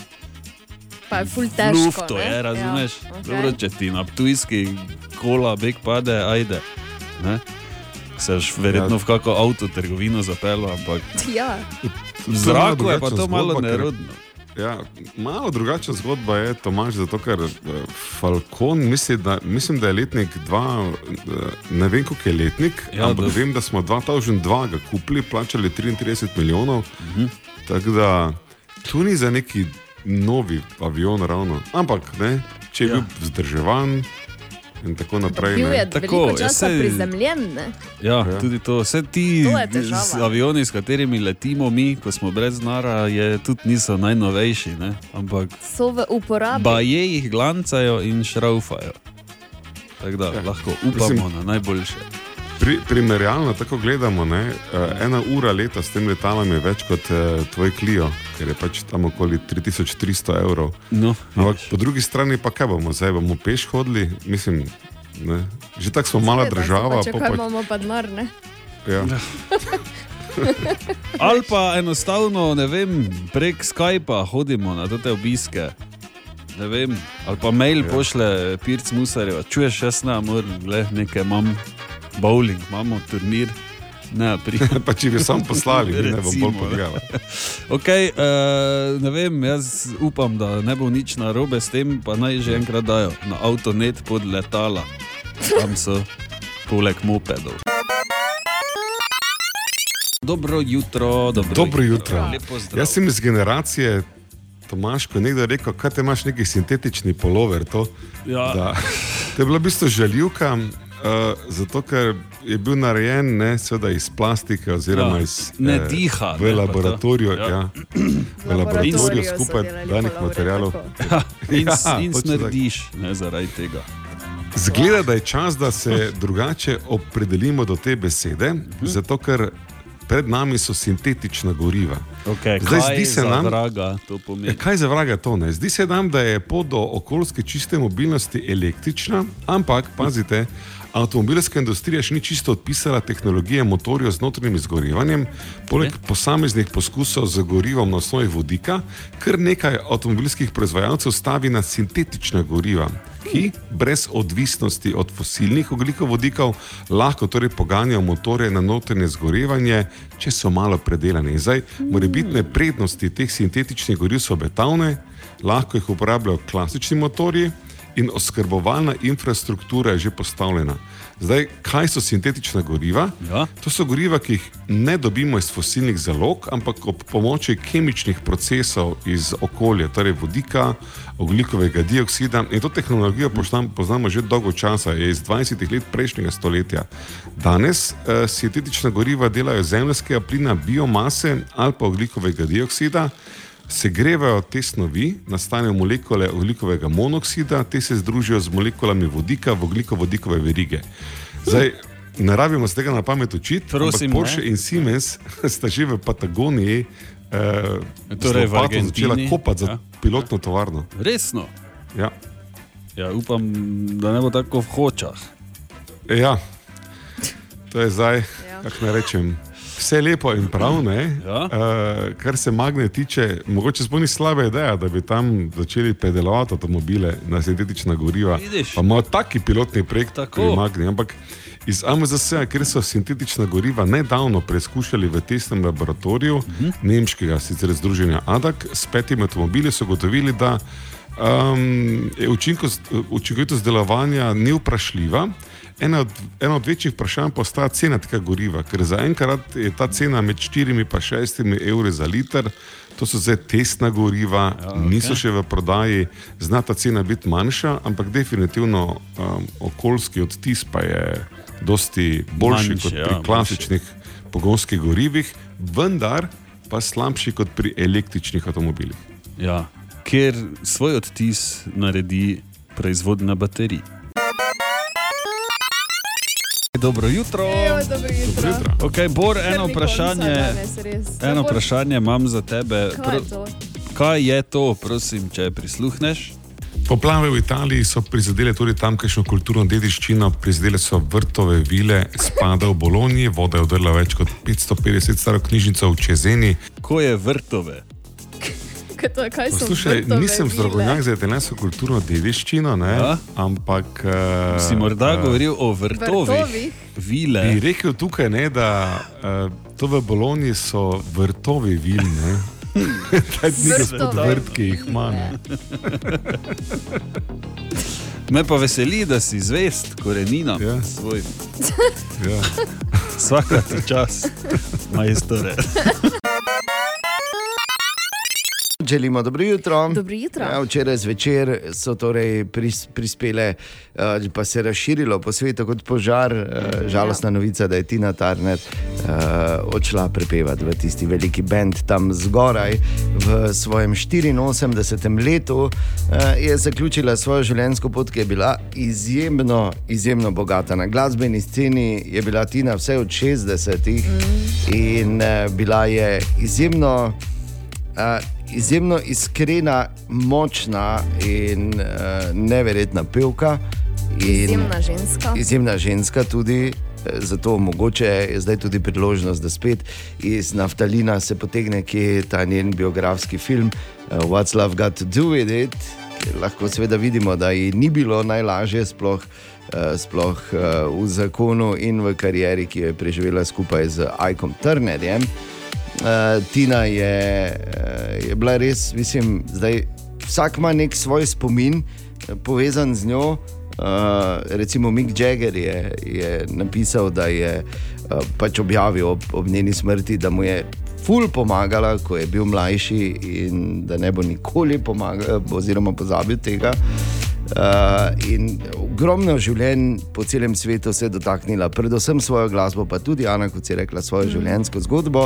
Če je ne poznaš, še enkrat obstaja biografski film What's Love Got to Do with It. Poglej si ga. Uh, naš spomin na to je tam iz začetka, v bistvu tam iz konca 90-ih, ko smo uh, takrat naredili en komat, oziroma naredili pač priredbo njenega hita The Best.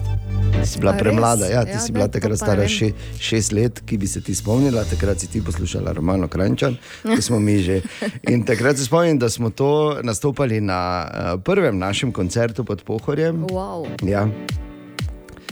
In da, ker je vmes solo uh, na saksofon, ne, smo se menili, kaj bomo zdaj na srečo. So iz enega benda, ki so nastopali pred nami, imeli saks, pa sem jaz vzel. Pa, Preseži, igral si saksofon. Ne, nisem igral, delal sem se, kot da znam. A, okay. Na srečo sem poznal, kako gre solo, da sem imel te gibe, veš, da sem veš, ko on zategne, da sem jaz Razumem, ja. zategnil. Pa, tak, eh, ja, tudi, tudi zato in seveda zaradi številnih. Številnih ostalih stvari, toliko je zgodb povezanih z njo, je bila Tina Turner zagotovo v vrhu, je bila the best, njena muzika pa bo seveda ostala zavedno. Želimo dobro jutro. Dobro jutro. Dobro jutro. Imamo eno posebno obvestilo, pazi to.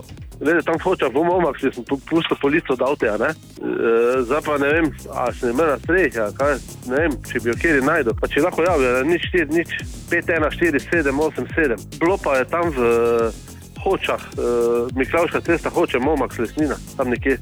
Evo, pri lesnini se zgodi včasih, veš, pač, Ja, daš daš na streho not in tako pač odpelješ, ne. zložiš, veš, mudi se ti, verjetno ti zraven, če cel cel cel, kaj si to naredil, kaj si to In se odpelješ. Tako da, če In- najde kdo polico, dveh ne rabiš.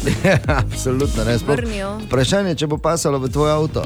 Tako da lahko pokličete tudi na servis 211, pa bomo mi zaskrbljenega gospoda, ki je izgubil polico od avtomobila, poklicali in ga ponovno združili z je. izgubljeno polico, kar bo seveda eh, lep dogodek. Tako da prosim, če lahko pomagamo to rešiti. Sicer pa se veš, tako sem rekel, to se zgodi, koliko krat je že kdo kdaj pozabil.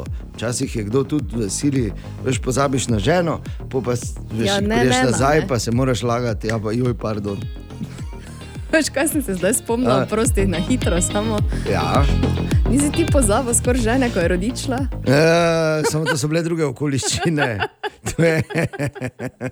Oj, oj. Zakaj si mogla zdaj na to spomniti? Bla, mislim, zdaj moram razložiti. Ne?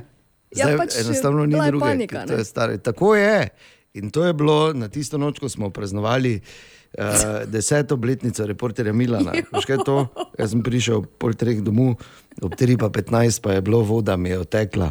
Veš, da sem v gatah letel v avto. Vse sem pozabil.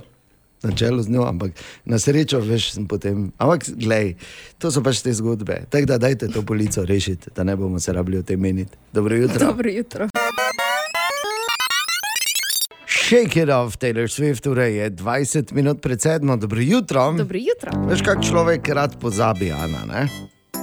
Zelo rad. Mislim, radi pozabimo, radi pozabimo tudi lahko zelo hitro. Najbolj stvari, ki jih mogoče ne bi smeli, ali pa nam ne bi bilo treba, ne? vsaj v določenem momentu. Ne?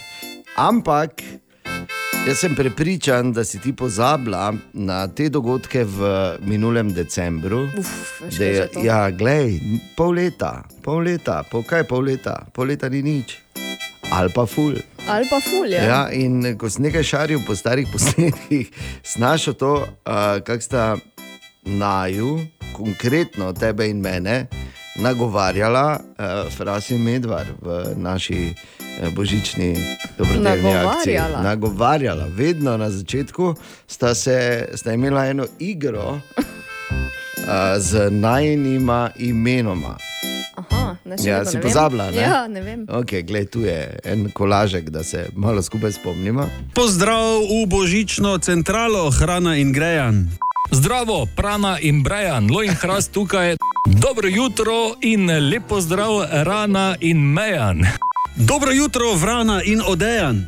Dober dan, klana in zvejan. Prekrasen pozdrav tebi, obrana in tebi, žejan. Kaj si brana in odejan. Ja, tako da hvala lepa, prast in govedvar. Želimo dobro jutro. Dobro jutro. Evo, včeraj smo v Mariboku torej, doživeli premiero, Sitikino premiero Male morske deklice. Enega najbolj težko pričakovanih filmov, adaptacije risanke na uh, filmsko platno. In zakaj bi mi uh, karkoli govorili o tem, dajmo pač tistim uh, ta pravim strokovnjakom uh, besedo, ki so ocenili. Ko so videli to malo morsko deklico včeraj v Mariboku. Kaj je bilo fajn? Zelo je bilo Kaj vam je bilo najbolj všeč? Um, ko sta se poljubi. poljubila, da skupaj eh, meni, je bilo, meni je bilo najbolj všeč, eh, ko, ko je oče jo objel in ko jo je potisnil, da naj gre ta drugi svet. Vse mi je bilo všeč. Vse ti je bilo všeč? Ja. Super je, ja, lepa morska deklica. A, igralka. Pač ja, zelo lepo je predstavljal. Zanimiv. Super. Lepo, da sta plavala. Zelo zanimiv, ker se je bil zelo zanimiv preobrat na koncu. Ful vse je bilo lepo. Kaj posebnega? Mogoče res to, ja, da se dva svetova srečata. O, ne? Kako poljubila globoko je tako, pa objela, pa jo je Pozejdon poslal v drugi svet. Kako to more biti, ha? Kako se ti more zameriti, da je tvoj fotor Pozejdon, pa hočeš iti od njega? Pa ti- Viš spet, eh. Vlečeš že sporednice, Bor? Ki je rekla, plavala je bila Julija in ja, vse čas. Lepo. Dobro jutro. Dobro jutro.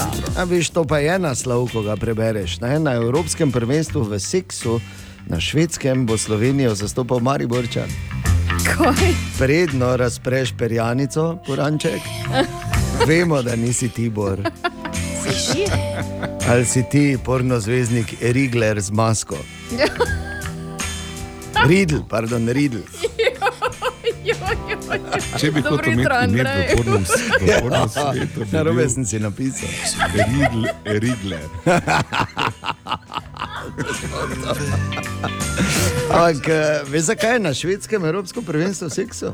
Ker je Švedska prva država, ki je označila to, oziroma tudi opredelila to kot. Uh, Olimpijski. Ne, kot olimpijski šport, to je še čas, zdaj komaj kickbox, čakaj počasi.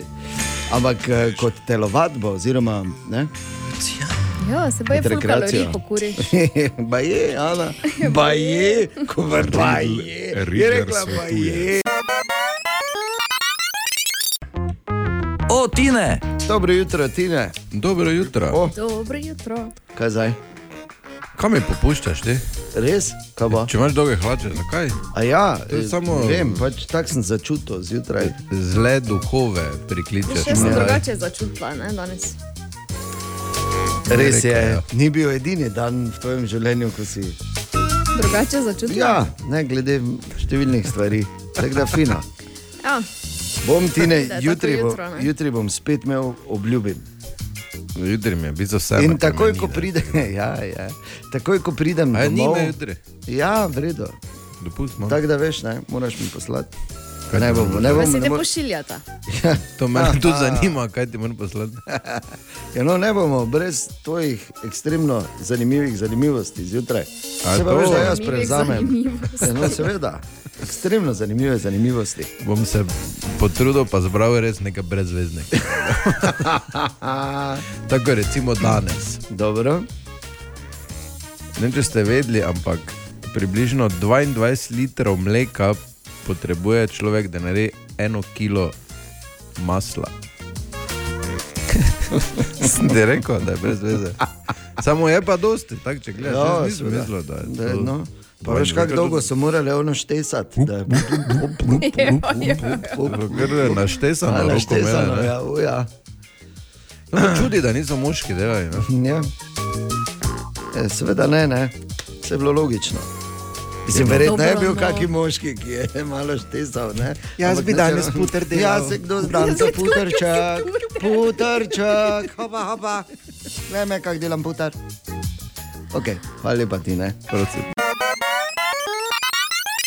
Želimo dobro jutro. Dobro jutro. In je petek, 26. maj. Uh, še enkrat lepo pozdravljeni, lepo vreme bo, tako Juhu. danes kot čez vikend. Tako da pričakujemo gužvo v mesnicah, to je prvo. Ja.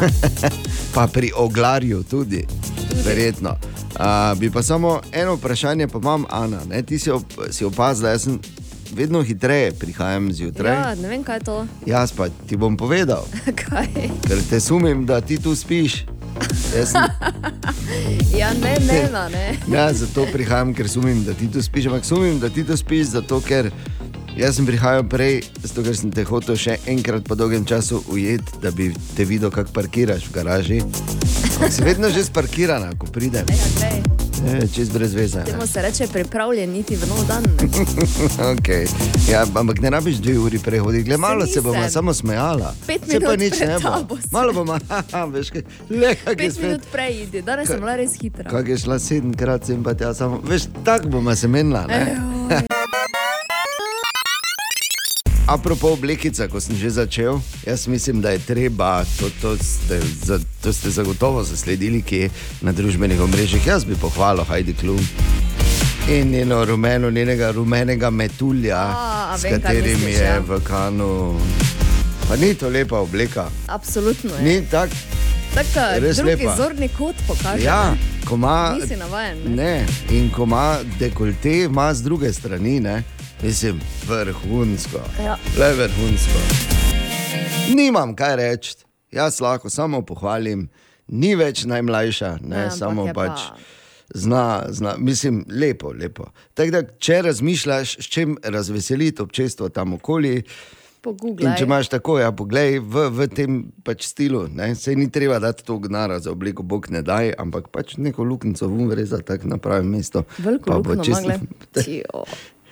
To ne vem, to bi mogel vprašati sila, ampak drugače pa bi čestito. Slike so malo zamegljene, zgleda, da je še malo zdrsnilo. Tako da, ja, uh, moram kar pohvaliti, uh, mislim, tak človeka. Veš, da, da so še ljudje z domišljijo tam zunaj in to me veseli. In to tudi bo vedno bolj bistveno, sploh v časih, v katerih živimo. Želimo dobro jutro. Dobro jutro. Uh, zdaj pa ena, to je, ker en, tako pogledaš, en velik nonsens, uh, kaj eni delajo. To, to, to, to je uvod, veš, ja. zelo, zelo.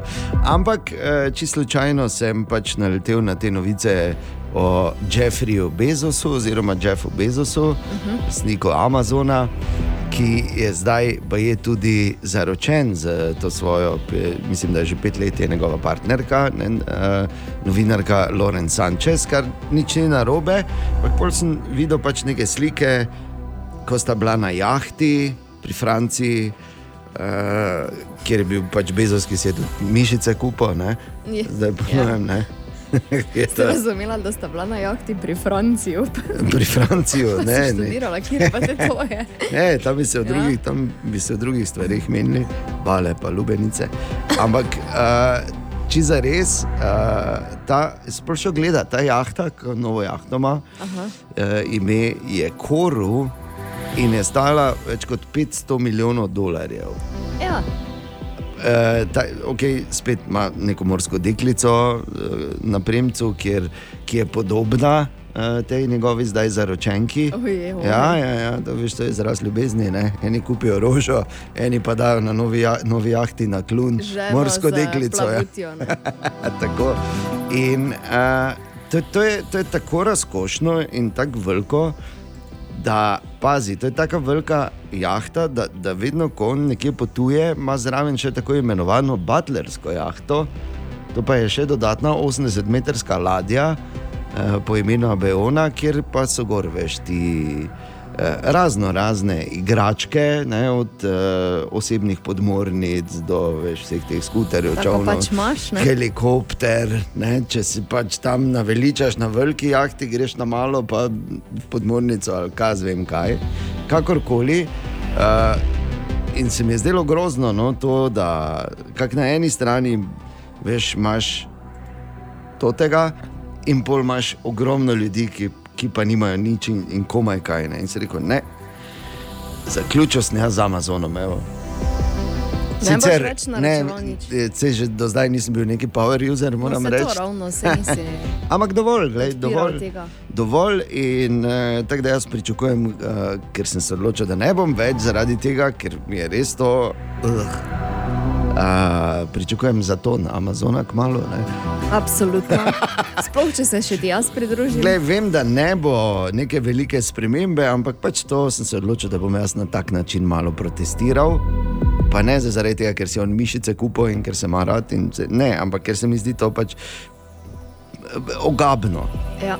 In uh, glede na to, kar smo že govorili ta teden, samo čakam, da orke zvejo, da je blizu Španije. Da ga napadejo. Ja.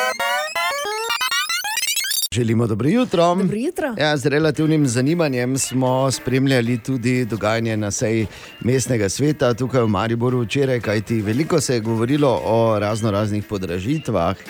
In na koncu je do nekaterih tudi prišlo. In sicer uh, bodo dražje vstopnine in najemnina prostorov v športnih objektih uh, Mariborske občine.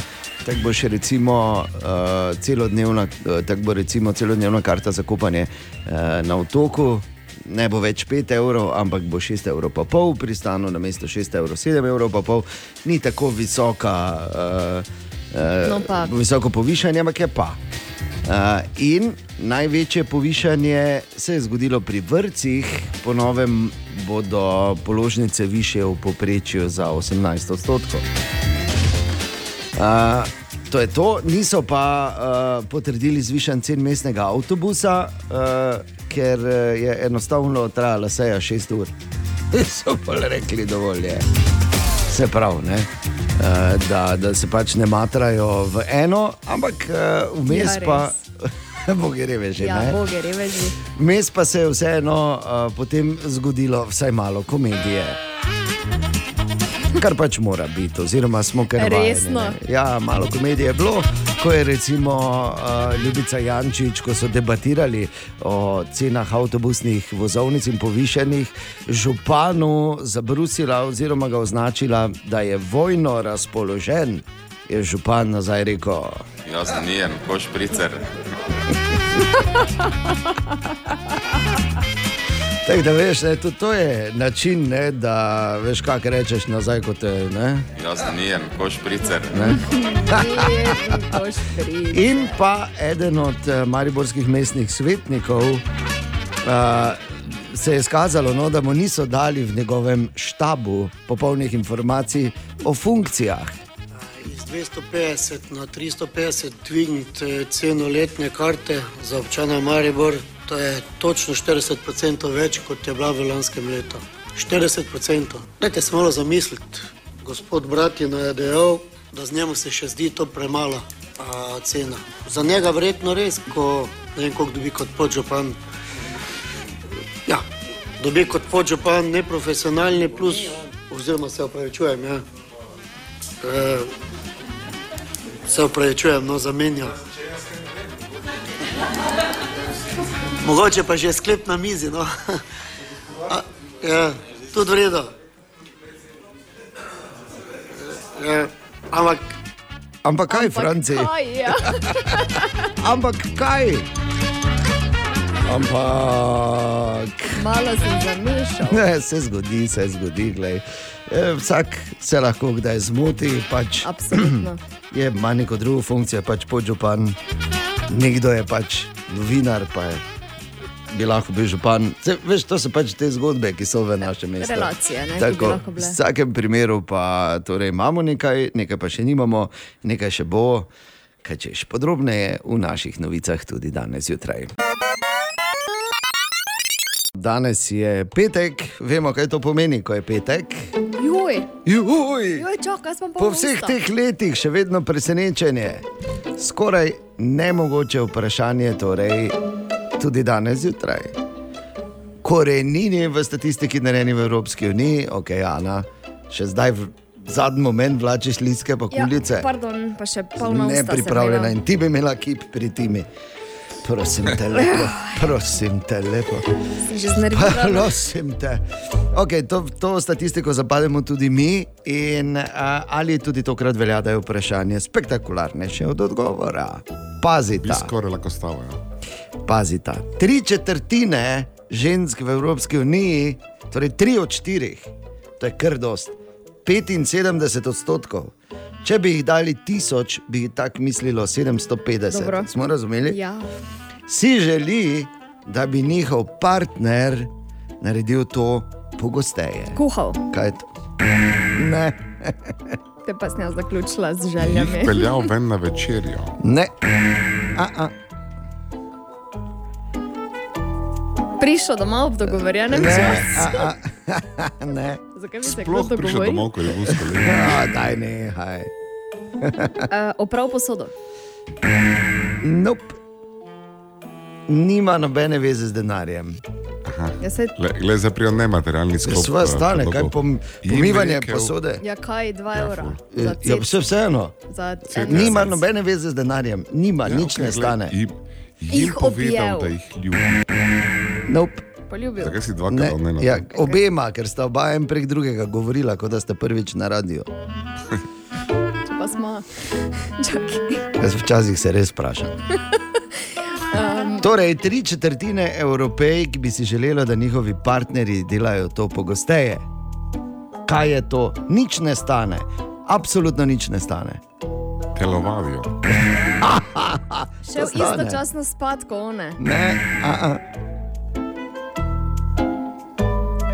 Jim pripravil zajtrk. ne, ne Jim zajtrk tudi Odprl stane. vrata, Ne, a, a. pridržal, no pač. ne, a, a. Na avto. Ne, ne, ne, ne. Ampak mi je všeč, kako razmišljate, tako da bomo še podaljšali za minuto. Torej, Gremo v potem te ne, jim večkrat povedal, kako jih ceni. ne, a, a. Da so ni to- lepe. Ne, Da je skušala. ne, niso komplimenti, okay? dajmo še, še to pomoč vam dam. Niso komplimenti, absolutno nič ne stane to, tako da eh, vse, kar je materialnega zraven, dajte iz svojih enačb, ko več. Tri četrtine, kaj? Kaj, ne, ne, mogoče ni bila primerna. Aha, ne, ni to. Ne, ne Tudi to ni, ampak tudi ono tretje. ni. Tako da nima sem bil veze zdaj na tem. da rečem, jih Ne. globoko v oči, pa si Ne, vzamem. ne, ne, ne, ne, ne, ne. V kakem filmu te ti Tudi tisto stane. Torej, ja, ne, ne, ne. ne. ja, pa ja. okay. Torej, uh, ja, eh, vsak ima ta še en poskus, ker vidim, da da bi večkrat psa ven peljal. ne, a, a, Ana je v tem trenutku zaključila in še Borov zadnji poskus je. Tri četrtine evropejk si želi, da bi, moški, da bi moški, njihov moški to počel pogosteje. Kaj je to? Eno dese v smeti. Ne, a, a. ne, da bi jih večkrat držal za roko. Ko gre ta okoli. to je? Sem rekel, da je vprašanje bolj spektakularno od odgovora. Ampak tri četrtine Vsi vas v Evropi to misli. Ja, tako Ja, pač je. Ono, kako si lepo, ne? Pač lepo, ne, da te za Ne, rad bi Ne, da ker ti je ure, samo za roko te moram pač- prijeti. Ker je vroče. Ja, ultimativni razlog, zakaj ne. Ker je vroče. Želimo dobro jutro. Dobro jutro. Dobro jutro. No, evo, končno ena pozitivna, povezana z umetno inteligenco, ker to je seveda točka debat številka ena. Eh, Posod po svetu, hvala Bogu, se eh, začenjajo eh, resne debate o regulacijah in eh, zakonih na to temo, kar se mi zdi seveda izjemno, ampak pazi. Zdaj je uspelo znanstvenikom s pomočjo tega kognitivnega računalništva končno najti antibiotik, ki bi lahko pomagal pri superbakteriji.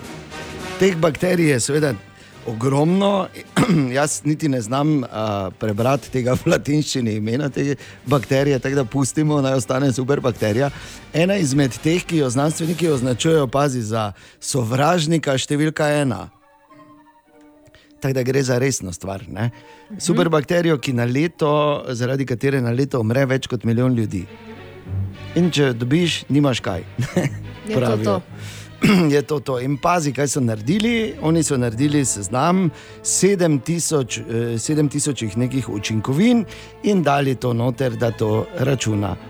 Računalnik je potreboval uro in pol samo, da je, da, pardon, da je dal ven, čuj, da nimam. Daj no. Dobro, povej, kaj narediti. Ja, vse pazi. vemo. Ne, zdaj zaenkrat še ni, ampak pazi. Uro in pol je, eh, je rabo, ne, eh, ta vesoljec, da je vendal 240 učinkovin. Uh, ki so jih pol začeli testirati, dobili devet potencialnih in ugotovili, da je bil tako pameten, da je dal ven učinkovine, ki delujejo dejansko samo na to specifično bakterijo in na nobene druge. Kar pomeni več ne, pozitivnih eh, izsledkov oziroma zaključkov, se pravi, manj stranskih učinkov, eh, eh, ne dela se dodatna resistenca.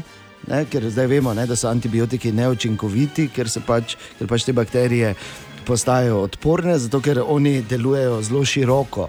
ta pa je tako, veš, kot da bi vuf točno za to. Ne, zelo, zelo pikira oska on, tarča ne. pikira, dejansko. ne.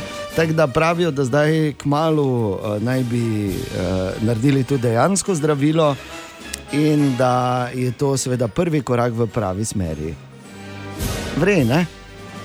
Ja, v tem Fenomenalno. primeru Super. Samo še ostale rabe reguliramo, da nas nas briše sam AI. Ne, pred Ja, ja. ja tu, tu pač bo treba biti zelo previden, ker veš, ne, če bi uh, dali mu, da naj zračuna, kako naj rešijo globalno segrevanje, je seveda rezultat zelo, zelo jasen. Treba pač zbrisati človeštvo, ker je glavni problem za globalno segrevanje. Tako da mogoče takih eh, problemov ne bi dali za reševati. Ampak obstajajo tudi pozitivne, eh, pozitivni, eh, pozitivni načini uporabe tega. In naj samo povem, da se prihodnost se dogaja v naših glavah, in če bomo mi razmišljali slabo, se bo dejansko slabo tudi zgodilo. Tako da ni nujno. Da je vse slabo, kar nas čaka. Samo to sem hotel reči, pa še lepo vreme bo danes. Želimo dobro jutro. Dobro jutro. Evo, med listanjem eh, po naslovih znašel še enega, tako pravi. Kako enim uspe nič delati v službi? Kdo bo začel? O, Tine! Ja, samo Tineta ni, ne? kot smo, re, kot smo že včeraj reš, rešili, zjutraj je to tu, Tineta ne bo danes in pon- ponedeljek. ne. Kako le ukvarjanje, seveda, pa se to ne moreš verjeti. Ampak kot edinemu uh, verodostojnemu oziroma eh, zaupanja vrednemu je meni, je seveda poslal? svojo zanimivost tako. zato, In ta je danes. pozabil, veš. Ta je danes, ta ti bo prav prišla, Ana, mogoče tudi tebi, Bor, ker nikoli ne veš. Oh, oh. Zdaj je bilo rabo oni antibiotik, se mi zdi. Kaj si Ja. dobo? Super bakterija. Ja, na grlo se je sedla zgleda. Ja, zgleda. Pa dobro, uh, vprašanje, Bor, veš, v tvojih letih preskoči. Rabi neko, neko meso, ko še da kaj od sebe, se veš. Ampak pazi, uh, Tina je tako poslal, ko se rekel, koristna informacija za, za vaju oba. Da je ta trenutek na svetu od 70 do 39, od- pardon, od 37 do 39 odstotkov moških z obrezanim penisom. To ti je poslal. Ne? Tako da Jaz, ko vidim v SMS, da ti je to res Ja, pa je, poslal. ja, no, pa zakaj bi zalagal? Pa zakaj bi to mene, Ja, no. Ja, ker nikoli ne veš. pri meni kap zadene, samo ti to bolj jasno poveš, to je ob rezan. ne Ja, ob, ob, ob, Ja, ja, ja, obrezan. Ja. Bor, samo ti si da odrezan. veš, kaj te lahko razumel? čaka, ne? koliko je zunaj kapucinarov, pa koliko ne. ne? Ja, Bor. Ali kaj? Aha, aha, aha, aha, aha, aha, aha, efekt. In Bor danes odgovarja na vprašanje Mateje, ki jo zanima, zakaj imajo nekatere živali rep, medtem ko ga druge nimajo. In zdaj živali, ki nimajo repa, ni samo človek. Ameriški črni medved nima repa. Makak opica nima repa, bonobo opice nima repa, kapibara nima repa. Uh, gosenice nimajo repa, sto noge nimajo repa, Sorodne živali. nimajo repa, raki nimajo repa. Ja. Točno, pa Žabe bibarica. nimajo repa. Žabe, ja. Ja. Gorila nima repa, morski prašiček v bistvu nima repa. Lepo. In ljudje sve nima repa. Ja. Ja. Tako da, Zdaj si jih naštel, zakaj? Ja. Zanima Matejo. kiwi nima repa. Pa dobro. Ja, pa zakaj? Koali nimajo repa. Dobro. Pande, Tega ni tako malo. micenega. Ja, to Ja, imajo. ma- ja, mislim, Za mali ne pomeni, da ga ni. ne. Ja. Tako da uh, repi so sicer najbolj pogosta značilnost živali, ampak se najde vrste posameznike, ki nimajo repa. Razlogi so povezani z tem, da so se evolucijsko že prilagodili. Torej, vsi so imeli rep, ampak ga od neke točke naprej več nimajo. Uh, Ravnotežje, komunikacija, zaščita, vse to so funkcije repa. In tako kot je skozi tisočletja, so te funkcije pač pri nekaterih živalih bile nepotrebne, je tudi rep bolj ali manj šal. Ja. Ali pa je že čisto taki mali. Pri človeku ga je zamenjal jezik, očitno ne. Pri nekaterih bolj izrazito, pri nekaterih manj. če je komunikacijsko sredstvo. Bi pa samo rekel kot stabilizator. Če nimajo repa, mislim, Kaj če so rep, Kaj, če en so rep, rep? samo rep so. Rep z okami. z glavo. ne, ampak eh, hotel sem povedati to, Polži da. nimajo repa. Pa v dobro, Bor.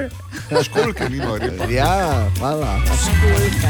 Ampak, če smo se pogovarjali o repu kot stabilizatorju, bi jaz samo rekel, da glede na to, kakšen neroden bi meni včasih prav prišel. Bi me marsikdaj rešil.